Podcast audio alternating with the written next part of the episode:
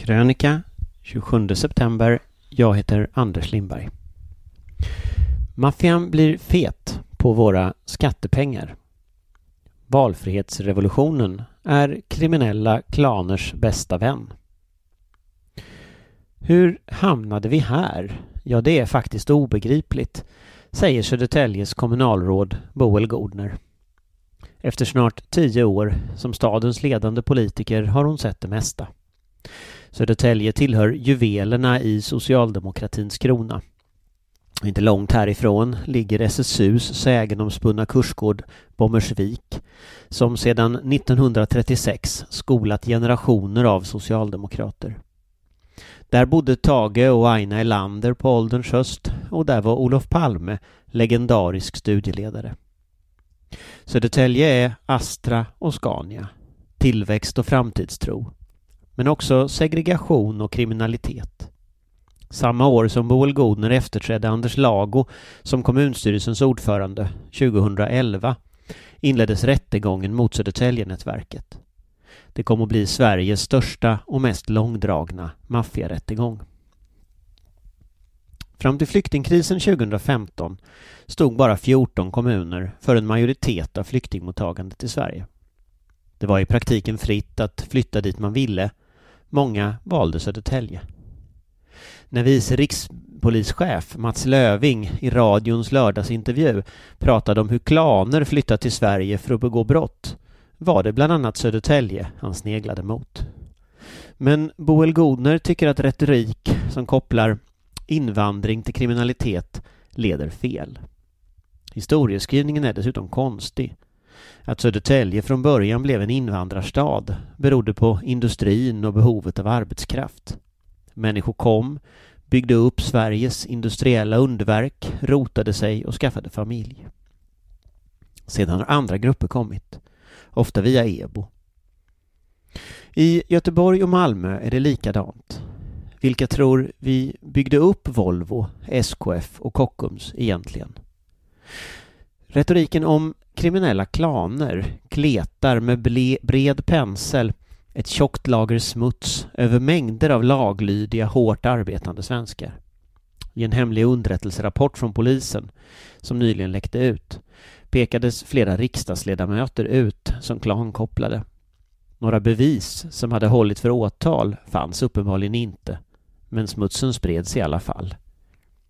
En av de anklagade i polisrapporten var KD-politikern Robert Halef från just Södertälje. Han slog ifrån sig med att han rimligen inte kan stå till svars för vad hans släktingar eventuellt gjort. Onekligen en poäng. Hela historien påminner om en intrig av Kafka. Robert Halef är anklagad, men han får inte veta vad han är anklagas för och han har ingen möjlighet att försvara sig. Samtidigt kletar polisen klan i pannan på honom. Ett inte helt övertygande polisarbete.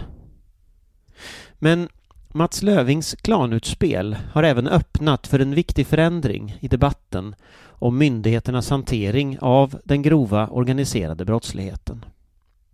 I Familjen, Mondial förlag 2020 av den tidigare Aftonbladet-reportern Johanna Bäckström Lärneby berättas om hur en klan i nordöstra Göteborg styr sin stadsdel med järnhand i ett parallellt samhälle där våldsmonopol, rättsskipning och makt över vardagen ligger i maffians händer.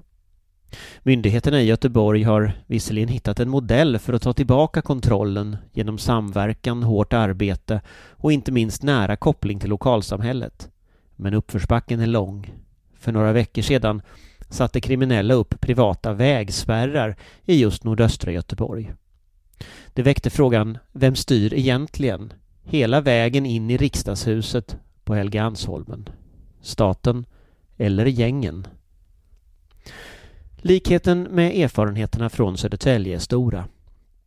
Boel Goder säger att det råder ett bedrägligt lugn. Idag är många av de gangsters som burades in från Södertäljenätverket fria igen. Kommunen, polisen och andra myndigheter som Kronofogden, Försäkringskassan och Skatteverket har ytterligare tio års erfarenhet av att hantera situationen. Men Boel Godner tycker inte Socialdemokraterna på nationell nivå lyssnar. Citat, man måste följa pengarna. Man pratar gärna om höjda straff och fler poliser, men vi borde prata mer om välfärdssystemen. Fri etableringsrätt, som LSS, Vårdval Stockholm och LOV, är katastrof. Avregleringarna i välfärdssektorn har gjort att den organiserade brottsligheten lärt sig utnyttja systemen. Det handlar om organiserat fusk med försörjningsstöd, organiserad handel med läkarintyg, organiserat fusk med företag för personlig assistans och så vidare, säger Boel Godner. I Södertälje är LOV, lagen om valfrihetssystem där brukarna själva kan välja exempelvis hemtjänst på en marknad, avskaffad sedan 2014. Citat, polis och åklagare kom till mig och sa att ni kan inte ha LOV i Södertälje. Det blev politisk strid, men vi tog bort den, säger Boel Godner. Pengarna till välfärdssystemen hamnade helt enkelt hos maffian. Även det svenska systemet med arbetskraftsinvandring är en huvudvärk i Södertälje. Citat. Det måste vara ordning och reda. Arbetskraftsinvandring har blivit en business för den organiserade brottsligheten. Vi har inga gränser alls. En enmansföretagare kan ta hit en kompis med arbetstillstånd. I praktiken är det svart och systemet utnyttjas hejdlöst i byggbranschen, men även andra branscher, säger Boel Godner. Helst såg hon att dagens avreglerade arbetskraftsinvandring helt skrotas. Precis som välfärdssystemen måste den stramas upp om man vill göra något åt den organiserade brottsligheten. Boel Godner saknar insikten i debatten om hur samhällets olika system hänger ihop. Man kan inte bekämpa brottslighet och samtidigt bevara de system och strukturer som gör den möjlig. Citat det handlar om ett samhälle som är jämlikt så att kriminalitet inte blir en naturlig väg för många, säger Boel Godner. Följ pengarna, återkommer hon till, gång på gång. Annars blir hårda tag bara tomma ord. Så här i efterhand kan man konstatera att valfrihetsrevolutionen och avregleringarna inte bara gynnade diverse vårdbolag och konsulter den blev även maffians bästa vän. Och om man vill ha ett annat resultat så måste man förr eller senare ändra den politiken.